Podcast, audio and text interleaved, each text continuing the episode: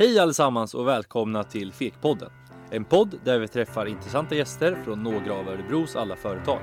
En podd där vi har den enkla ambitionen att vi alltid kan lära något av varandra. Did you give the world some love today, babe? Did you give the world some love today, babe? Well, you gave me lots of love, that's true. You give the world some love and too.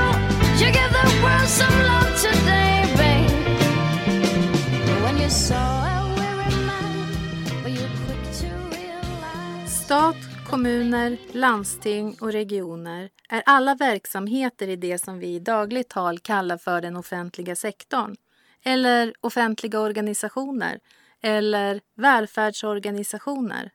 Kärt barn har som bekant många namn. Sverige har en relativt sett ganska stor offentlig sektor och av den förvärvsarbetande delen av befolkningen i Sverige så arbetar nästan en tredjedel i den offentliga sektorn.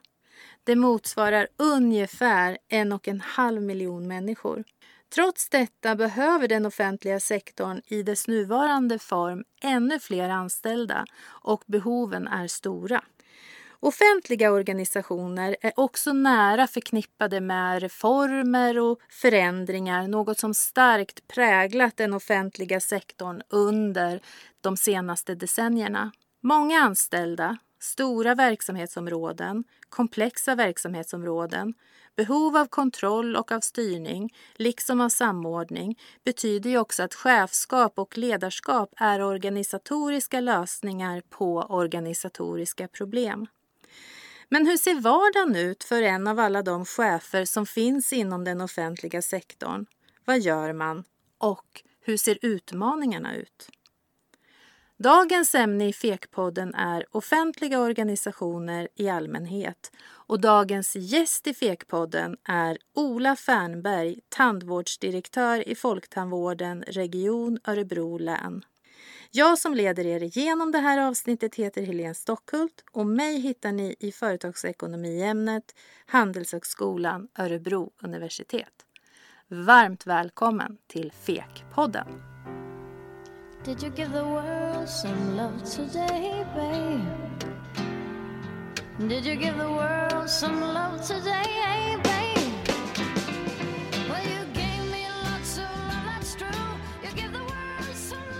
Så, välkommen till Fekpodden Ola Fernberg.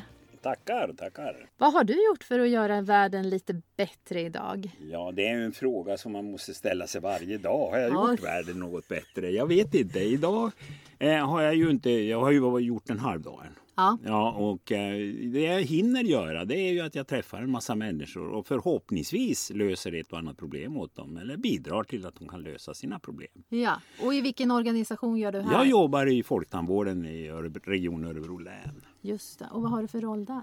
Där är jag förvaltningschef eller tandvårdsdirektör som det heter när man är förvaltningschef i tandvården. Spännande. Tandvårdsdirektör, då bestämmer du allt eller?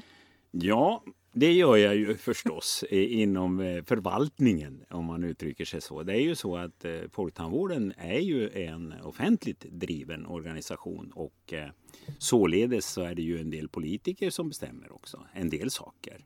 Men eh, det finns en in, inom själva i, I själva strukturen så finns det ju en vanlig eh, kan man säga hierarkisk chefs, chefsordning där vi har en regiondirektör som, eh, som basar över oss som är förvaltningschefer och vi i vår tur sköter våra förvaltningar. Eh, lite nyfiket, hur hamnar du i den offentliga sektorn och i folktandvården? Vad har du för bakgrund? Ja, alltså min bakgrund är ju att jag är tandläkare. Jag utbildade mig till tandläkare i Umeå och examinerades där 1978 så det är ganska länge sedan. Eh, och eftersom ett av mina stora intressen är skärgårdar och skärgårdsliv så blev den lilla staden Askersund väldigt attraktiv. Det här var i början på 80-talet och eh, då började jag jobba där helt enkelt och eh, hade väl inga som man har så här planer på att det ska vara så hemskt länge. Nej. Men det blev ganska länge. Ja, det blev det ju. För när jag var 33 så då blev, fick jag mitt första chefsuppdrag. Okej. Och då blev jag chef för den kliniken och hade 25 underställda. I Askersund? I Askersund, ja. Och, då, och då hade jag 25 underställda. Och då började jag liksom den banan kan man säga att hålla på med, med chefsuppdrag och fann att det var ganska roligt att ha som komplement till min kliniska vardag. Så jag jobbade ju också med patienter under hela den tiden. Är det vanligt att man gör så som tandläkare i folktandvården Ja, det är, det är väldigt vanligt. Eh, De flesta, eh, för att inte säga alla tandläkare som är chefer vill ha en klinisk kontakt. Alltså jobba någon eller någon dag i veckan i alla fall för att hålla det här med hantverket igång också. Mm. För det är ju den pensionsförsäkring man har då som chef för att våra chefsförordnanden är fyraåriga och när man får kliva av ett sånt då får man eh, Antingen man vill det själv eller att eh, ens chef vill att man ska kliva av. Så då, har man, då går man tillbaka till sin grundtjänst som är då tandläkare eller tandhygienist i vårt fall. Vi har inga tandsköterskor som är chefer i folktandvården men tandhygienister och tandläkare. Det påminner ju väldigt mycket om hur vi på våra institutioner ser på chefskap och uppdragen. Att man har det under en begränsad Mm. tid och sen så går man tillbaka till det man är utbildad till eller lärare, forskare Ja. och så vidare. Mm. Det här avsnittet handlar ju om offentliga organisationer. Ja. Och du jobbar i Folktandvården i Region Örebro län. Hur skulle du beskriva din organisation Region Örebro län som ju är då en offentlig organisation? Ja, det är ju en jättestor eh, organisation som spänner Hur många jobbar i där? Nio? Ja. Tio? Jag skulle säga att det rör sig om ungefär 10 000 personer som jobbar där i länet. Utspritt på många olika ställen. Alltså vi sysslar ju med allt ifrån länstrafik till eh, förlossningar som bekant. Ja. Ja. Utbildning, folkhögskolorna. Ja, det har vi också. Eh, så den, den är ju väldigt stor och väldigt spretig. Alltså det sysslar med väldigt många olika saker egentligen. Men allt det man har gemensamt är ju att den är driven utav eh, medborgarna i vårt län kan man säga. Som ju då har röstat fram den politiska ledningen och så vidare. Mm. Mm. Eh, så det är egentligen du och jag som har valt ledningen i Ja, det kan man säga. Om man, om man skäller på den politiska ledningen får man komma ihåg att, det, att vi har valt dem. Mm. Det är resultatet av vad vi har röstat. Liksom. Politikerstyrd organisation. Är det någonting du märker av i din vardag? Ja, i allra högsta grad. Jag, jag har ju, till skillnad mot en VD i ett privat företag, så har jag ju inte någon styrelse utan jag har ju en nämnd som eh, stöttar vår verksamhet, en politisk nämnd. Eh, och den, eh, består, den är ju, består ju då av, det är ju fördelat mandat i den nämnden efter valutgång och så vidare. Sen har ju partierna nominerat då de personer som sitter i den nämnden. Och i år har vi 10 möten och det innebär för mig som förvaltningschef 30 möten. Jag ska möta dem i något som kallas för prepresidium där då majoriteten diskuterar vad ska vi ta upp på nästa nämndmöte och vilka frågor är aktuella. Och sen så kommer det ett presidium, då är också delar av oppositionen med och sen så är det nämndmötet då. Så 10 möten blev hux flux 30 möten. För tandvårdsdirektören och för ordföranden i nämnden och ytterligare några. Börjar vi närma oss orsaken till att ibland organisationer av offentlig karaktär klassificeras som tröga, långsamma? Nej, men man kan ju säga så här att eh, visst, det, alltså, jag tycker det är lite, kanske lite för mycket möten. Men det här är en ny nämnd och de behöver få lära sig. Vi har inte haft nämnd så nära folktandvården. Det här blev efter det senaste valet så omorganiserade politiken och då fick vi politiken närmare då. Och det kan man ju säga, det är ju, det, det är ju en del i demokratin att de här människorna ska vara med och så att säga ha i full insyn i vår verksamhet. Och då, då måste de ju få ha ganska många möten tätt innan de har lärt sig hur verksamheten fungerar. Men de, de, och de, är, de är ju väldigt läraktiga och samtidigt måste jag också lära mig liksom lite grann att nej, hit men inte längre in i förvaltningen för där är det jag som bestämmer. Så att det är liksom, jag har ju på delegation egentligen från politiken för all makt utgår ju från dem egentligen från början. Mm.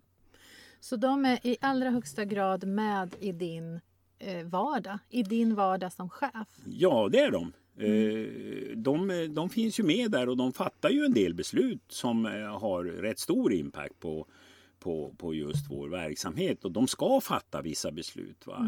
När det gäller eh, till exempel det här med, med vilken omfattning ska vi ha? Hur många utbudsställen ska vi ha? Ska vi finnas på alla de här ställena? Vad menar du med utbudsställen? Ja, om vi säger vi har ju vi har mottagningar i, Ah, okej. på, i hela länet. Vi har ju 23 mottagningar och sånt där. Och då, och då kan man säga att ja, alla är, en del är svårdrivna. Ska vi ha den kvar?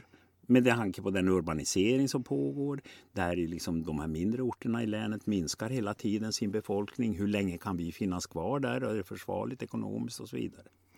Så som chef så bestämmer inte du det utan du lyssnar på politiken och sen... Nej, politiken lyssnar på mig och sen fattar de beslutet. Okej. Ja, alltså det, jag vill inte påstå att det är någon form av, av eh, tjänstemannastyre, det är det ju inte. Men jag menar, om, om jag har ett problem så vänder jag ju mig till min eh, nämnd och säger att det här, det här är ett problemställe. Vi, hur vi än vrider och vänder på sig så är det jättesvårt att upprätthålla en god vård här. Och då får ju de ställa frågan varför det då? Och så får jag presentera varför det är så. Och, och sen får de fundera då. För att eh, det här med kvalitet, inriktning och omfattning brukar man säga. Det är ju politikerbeslut. Du har redan nämnt möten, att det är mycket möten Mm. i en offentlig organisation. Om du skulle beskriva en eh, måndag, en tisdag, onsdag, torsdag eller fredag. Hur, hur ser din dag ut? Ja, det börjar med att jag kommer till jobbet någon gång vid sådär runt åtta tiden. Jag brukar försöka träna faktiskt eh, ett par dagar i veckan i alla fall och sen Ja. kommer jag till jobbet vid åtta. Och sen går jag väl hem ungefär vid halv sju, sju kanske på kvällen. Den sista timmen där mellan fem och halv sju den ägnas oftast till att kommunicera, det vill säga eh, svara på mejl och sådana saker. För det hinner jag inte med under dagen. Jag, så, jag, jag går från det ena stället till det andra. Och, och det det går ut på är att jag lyssnar på medarbetare, jag lyssnar på rapporter från, från eh, arbetsgrupper eller annat. Och så är jag som regel då beslutsfattare någonstans. Jag måste fatta ett beslut här och där.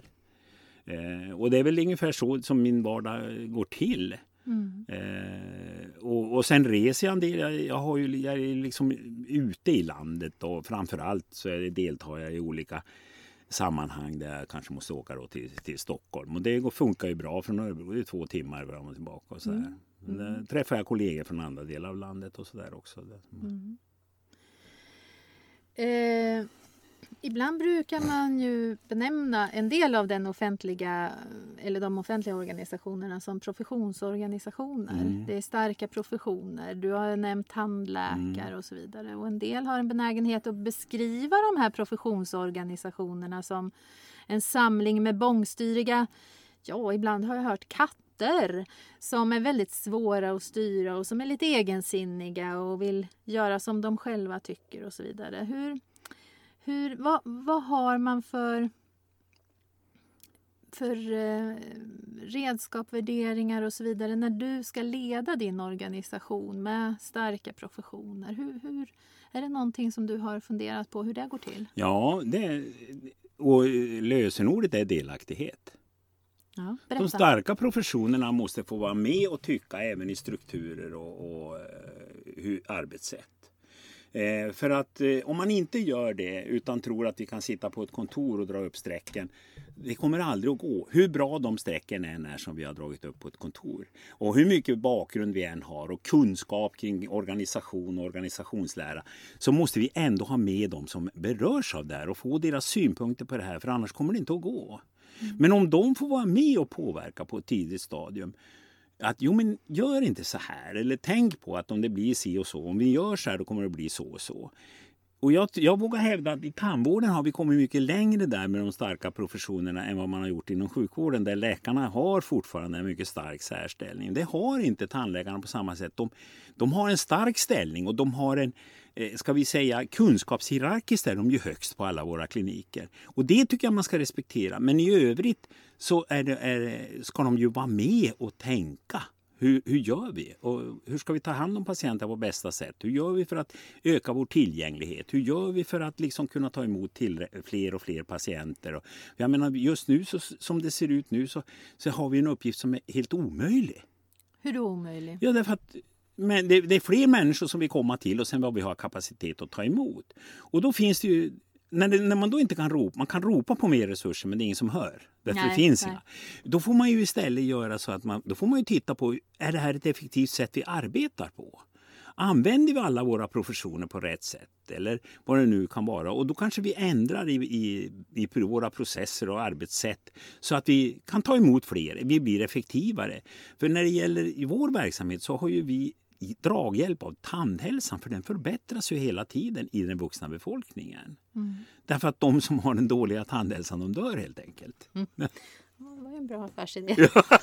Ja, det är ingen affärsidé Nej. direkt men, men det, är, det är den bistra sanningen. Medan däremot så är det ju så här att, att när det gäller överhuvudtaget vård så, så ökar ju belastningen på vårdpersonalen. För att ju fler äldre vi har desto fler är det som behöver vård. Va? Men tandvården fungerar inte riktigt på samma sätt som eh, övrig hälso och sjukvård.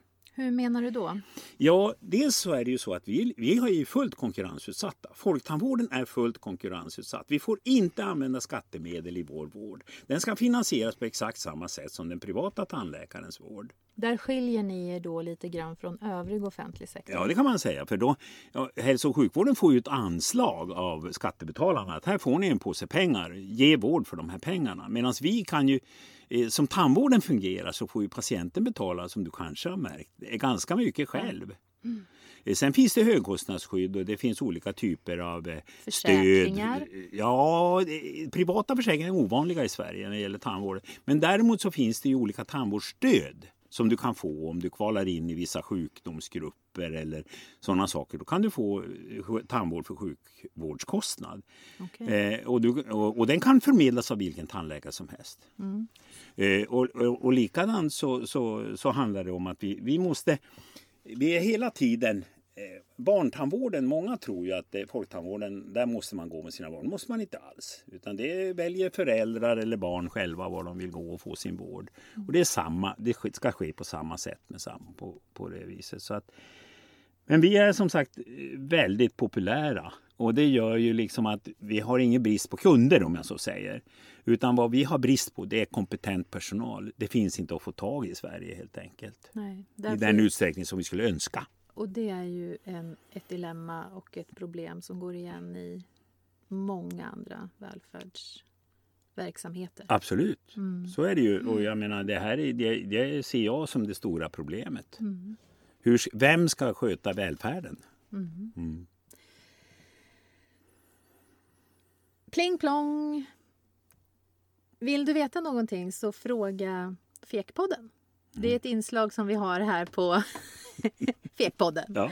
Och eh, det är studenter som kommer in med sina frågor om det aktuella ämnet för dagen eller för, eh, för avsnittet.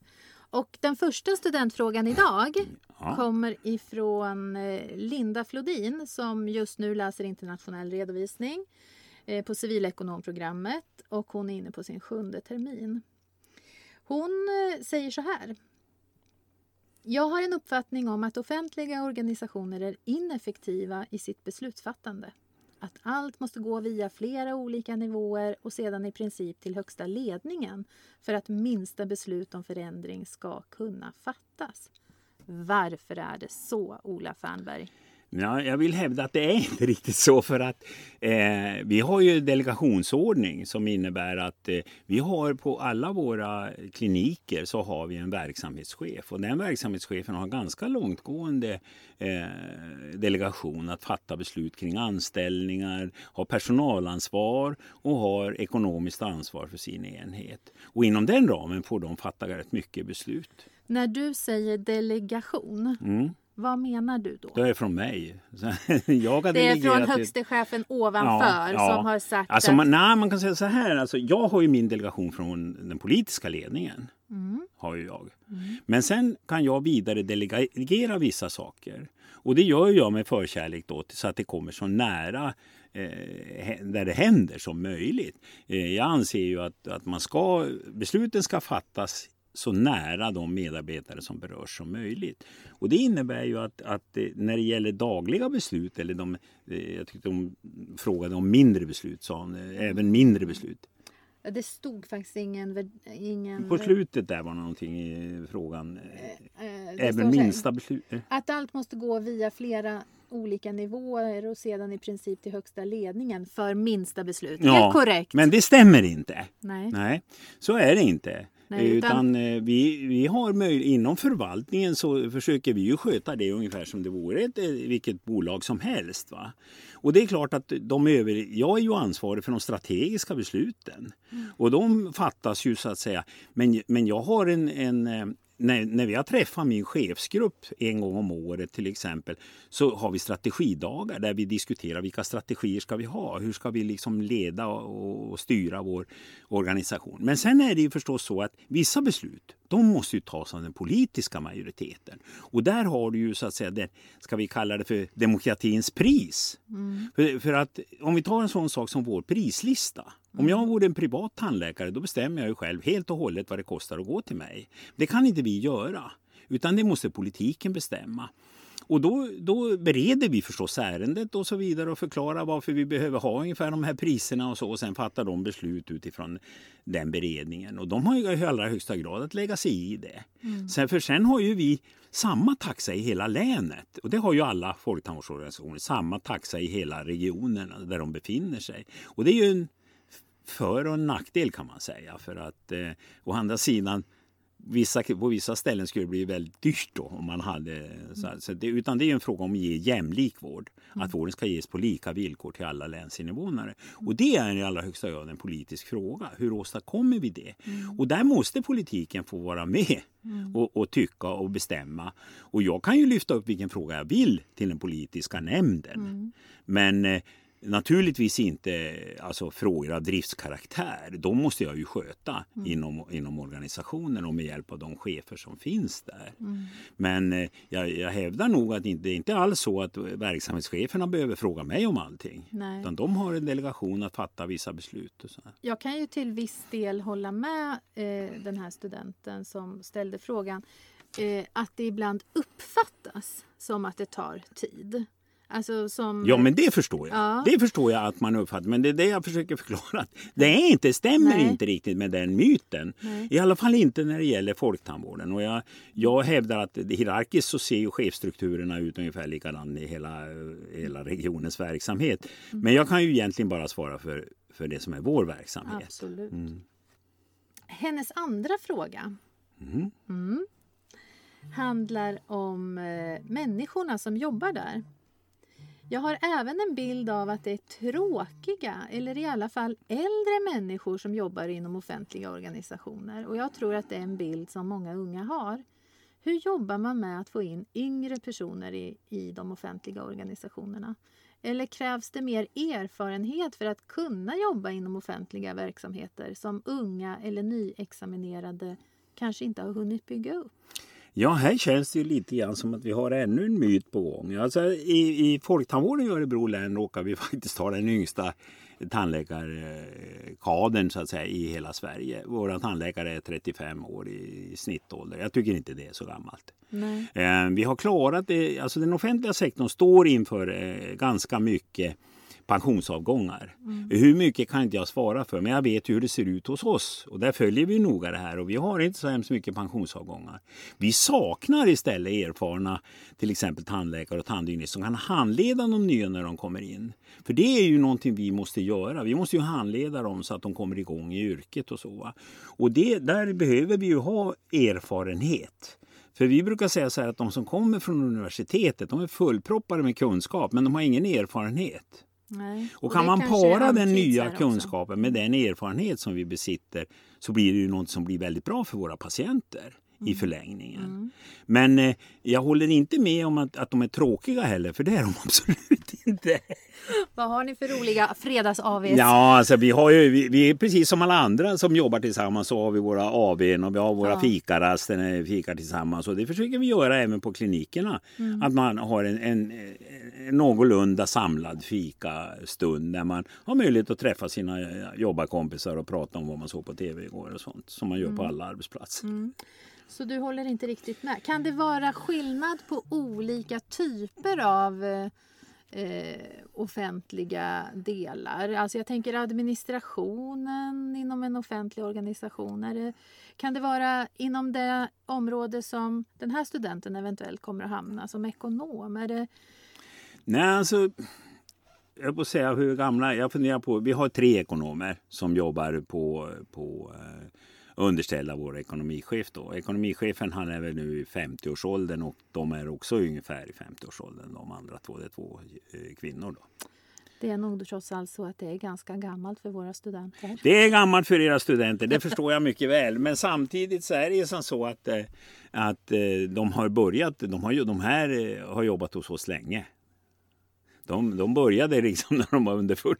Ja, så då- att, eh, då har de jobbat ganska länge hos oss. Då har ni en bra arbetsmiljö. Ja, jag vet inte, men jag tror att, att det är ganska roligt att jobba som ekonom i, i folktandvården. För vi har ju väldigt mycket parametrar som vi följer upp och vi försöker se på. Jag menar, vi, vi försöker, vi, vi, det är inte bara hur resultatet är, det ekonomiska resultatet. Vår verksamhet mäts ju egentligen i hälsovinst. Hur tänker du?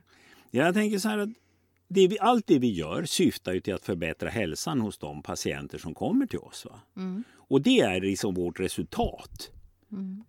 Sen, sen har vi en ekonomi som ska stödja det. Och de pengar vi har ska användas till att ge eh, länets invånare bästa möjliga tandvård. Det är inte meningen att det ska generera en vinst till de som äger det här. Det är ju inte, det är inte ett aktiebolag det där med. Och där sätter du fingret på någonting som faktiskt är, eh, karaktäriserar den offentliga organisationen. Att ni ska inte generera vinst till några ägare. Nej, det stämmer ju. Eh, Men här får man nog skilja på, på vissa saker. För att det finns några folktandvårdsorganisationer inom en del, några regioner som är aktiebolag. Och de ställs det andra krav på. Men vi har inte, vi som är i förvaltning, och det är trots allt majoriteten av folktandvårdens eh, i Sverige. De, vi, vi, alltså min åsikt är ju, och det, det jag uttrycker i alla lägen, här ska inte genereras några vinster. Utan det ska användas till att ge bästa möjliga tandvård. Och så länge vi har folk som står och väntar på kö hos oss så, så är det oförsvarligt att, att plötsligt leverera en vinst enligt mitt synsätt. Under de senaste 20-25 åren så eh, har ju den offentliga organisationens styrning allt mer kommit att likna eh, företag och som du ju sa då, de privata företagen. Alltså att man har anammat idéer och koncept från, som tidigare kanske enbart användes inom Ja, du menar New Public Management? yes. Ja. Och eh, jag tänker så här, vad ser du för symptom på MPM i din organisation? Du tillhör regionen och du har varit med under ett antal decennier. Kan du se några symptom på den här MPM? ja, det kan jag definitivt göra. Berätta. Därför att det, eh, när jag tog över organisationen för eh, ett år sedan så var vi nog ganska hårt ekonomiskt styrda. Allting gick ut på att hålla sin budget, allting gick ut på att liksom eh, försöka få in så mycket intäkter som möjligt och hålla ner alla kostnader och sånt. Det var det enda man pratade Ökad om. administration? Ja, det blir det ju delvis, men, men ändå inte. För att eh, vår administration, vad jag påstår, är ganska slimmad. Men, men det, det, det man såg då var att allt vad folk pratade om var ju pengarna och, och budgeten och, och underskott eller överskott hit och dit. Och man hade lyckats om man hade ett överskott i förhållande till budget. Medan min uppfattning är ju en helt annan, nämligen det att det vi ska göra det är att vi ska ge en god vård. Ja, det var det och, hur, ja, och hur följer vi upp att vi ger en god vård? Och då kommer in, då, behöver vi administratörer eh, som till exempel det är samma ekonomiska controller som, som följer våra ekonomiska siffror. Hon kan också följa en hel del verkna, eh, verksamhetssiffror. Till exempel, hur många eh, patienter gjorde vi färdiga idag? Till exempel, hur, eh, hur lång tid är det till nästa återbesökstid hos oss så att inte det blir för långa tider? Hur länge pågår en behandling till exempel? De här sakerna kan vi också ha som styrparametrar. Och, och då är min uppfattning att personalen som sysslar med vård, de tycker det är roligare att styra med vårdens parametrar som de förstår än att bara titta på eh, någonting som är under ett streck, om det är en röd eller en svart siffra. Och jag tror att även om de här sakerna som vi styr naturligtvis också påverkar ekonomin i, i, hos oss, så tror jag ändå att det är det är liksom back to basic. Det är det här vi är till för. Vi måste, får inte glömma bort vad vi är satta att göra. Liksom. Det är att ta hand om patienter. Kan du se att det här börjar förändras och luckras upp och gå tillbaka till det, det Ja, som i alla, var fall, i innan? alla fall kan jag väl säga att jag ser det hos oss och jag ser det hos flera folktandvårdsorganisationer också. Att man börjar försöka titta på någonting annat än bara det här. Och jag vill hälsa att hälso och sjukvården i vår region tittar också på andra saker än, än bara pengarna. För Då, för vi har ju den fördelen att ju mer vi gör desto mer pengar får vi ju in. Va? Medan de har ju den för nackdelen att ju mer de gör desto mindre pengar har de ju. Så att eh, eh, den anslagsfinansierade ekonomin är någonting annat än den ekonomi som folktandvården har. Ja, precis. Där skiljer ni sticker ut lite Ja. bland andra eller från andra offentliga organisationer på så sätt. Ehm, om vi skulle prata om utmaningar för den offentliga organisationen framöver. Ja, det är, det är kompetens. Det är den första utmaningen. Att få folk att, Ja. att vilja bli de yrken som finns Ja, inom den men offentliga vården, jag tror, alltså, jag brukar säga det att det första utmaningen är kompetens, den andra är kompetens, den tredje är kompetens. Därför att det är så här att det finns inte, alltså, det finns inte att få fram, alltså, även om alla ungdomar Eh, på en ort skulle börja jobba inom, inom vården så räcker det i alla fall inte till därför att antalet äldre blir så många fler. Om man då tittar på tandvården så är det ju som så att vi måste förstås locka folk till våra yrken att gå. Men än så länge är det inget problem med att fylla platserna på de utbildningar till tandläkare, tandhygienist och tandsköterskor som finns i landet. De fylls. Mm. Men, men problemet är att det ändå är för få i förhållande till det behov som vi ser framför oss. Va? Och det är det som jag ser som den största. Och det här gäller ju hela den offentliga sektorn. Vem ska sköta välfärden? Allt fler ska vårdas av allt färre. Och det är klart att det är en- det är en utmaning för management och ledarskap. Hur ska vi få ut det bästa möjliga av det vi har när vi inte kan ropa på mer? Har, hur gör ni idag? För att få ut det bästa möjliga av allt. Ja, man kan säga att det vi gör just nu är att nu håller vi på att ändra oss ifrån resurseffektivitet där vi bara har tittat på hur mycket, vilken timintäkt har vi och, och hur, hur mycket bokad, hur många, mycket debiterbar tid har vi.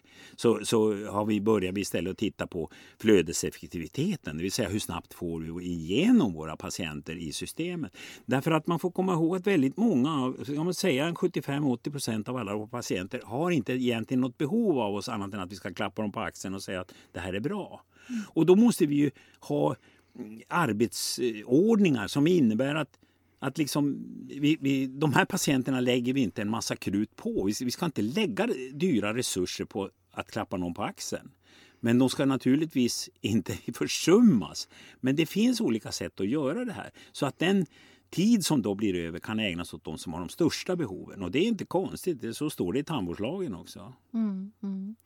Så en anledning till att jag eh, idag kan få en tid hos min eh, tandläkare i folktandvården klockan 20.00 på kvällen mm. är för att ni har tittat på flödeseffektiviteten. Ja, dels det och dels därför att vi, har- vi försöker möta upp vad är patienterna. 20.00 tror jag det kan vara jättesvårt att du kan få någon... Nej, Okej, 17.30. Ja, det kan du få. Ja. Ja, 18.30 också, men sen eh, tror jag det är svårt. Eh, men, eh, nej, men för sen vill inte folk gå till tandläkaren. De vill ju hämta sina barn på dagis och de vill Det natta är också dem. för sent de vill- 20.00. Ja, ja. ja, så att det, är liksom, det mesta är för sent 20.00 för då börjar ju något tv-program som man vill se. Ja.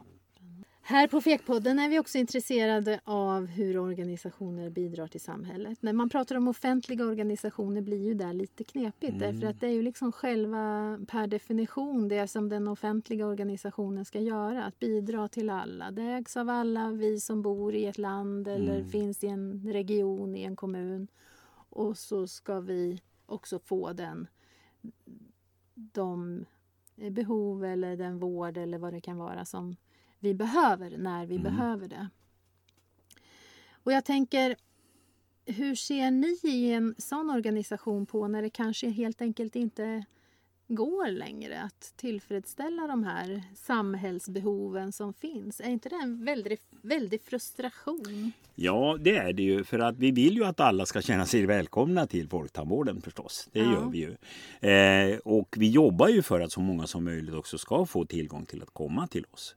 Eh, men eh, man kan säga att det här det, det är, det är egentligen en ganska komplex fråga. För att vi vill ju inte lägga mer skattepengar på vård överhuvudtaget. Eller på, så här, vi, vi vill ju inte höja skatterna. Nej. Det har vi ju kommit fram till rent demokratiskt. Och då kan man fråga sig liksom, vad är det man vill då?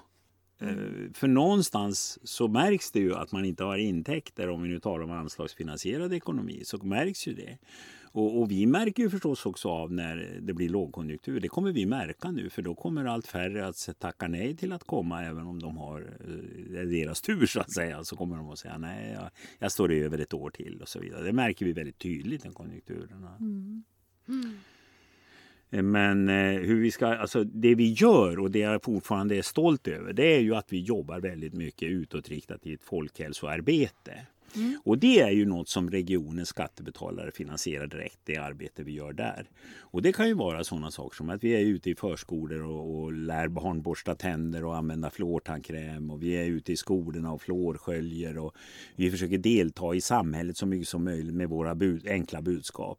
Eh, och det är något som vi, vi eh, Folktandvården i hela Sverige gör och som vi har som, som ett uppdrag här i vår region också. Och på det sättet bidrar vi ju väldigt starkt till, eh, till samhället så att säga. Eh, för det, är nämligen så att tandsjukdomarna, karies framförallt, samvarierar väldigt mycket med socioekonomi. Att ju, ju tuffare socioekonomin är desto mer karies har befolkningen där. Och då satsar vi mycket på att de människorna ska få den information och de kunskap som de behöver för att hålla kariesen borta om man säger så. Mm, mm. Det har varit väldigt intressant att höra hur du, eh, din uppfattning och din upplevelse av de offentliga organisationerna. Och, och jag börjar inse att folktandvården är ju en liten främmande fågel i det som vi brukar kalla för offentliga organisationer, eller?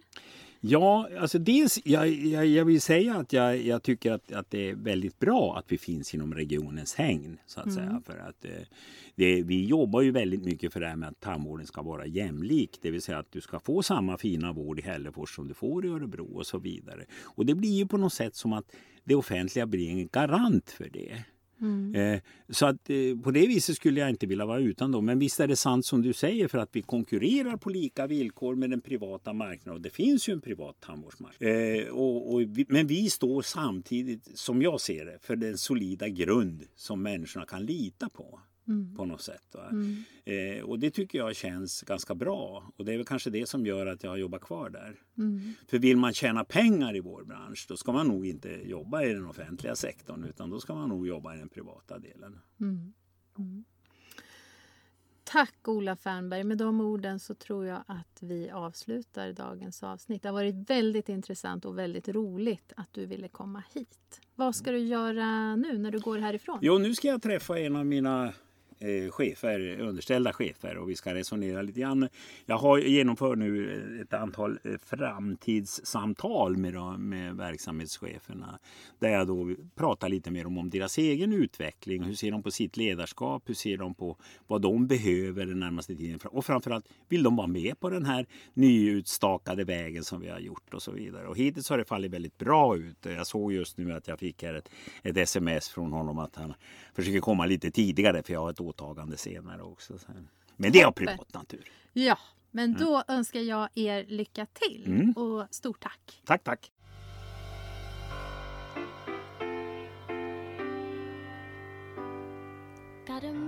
Tack för att just du lyssnat på Fekpodden. En podd utgiven av Handelshögskolan Örebro universitet. Har du tankar och idéer om innehållet i Fekpodden? Eller har du kanske förslag på en spännande gäst att bjuda in? Skicka ett mejl till info Men följ gärna Fekpodden på Instagram så att du inte missar några intressanta gäster och avsnitt. Vi ses!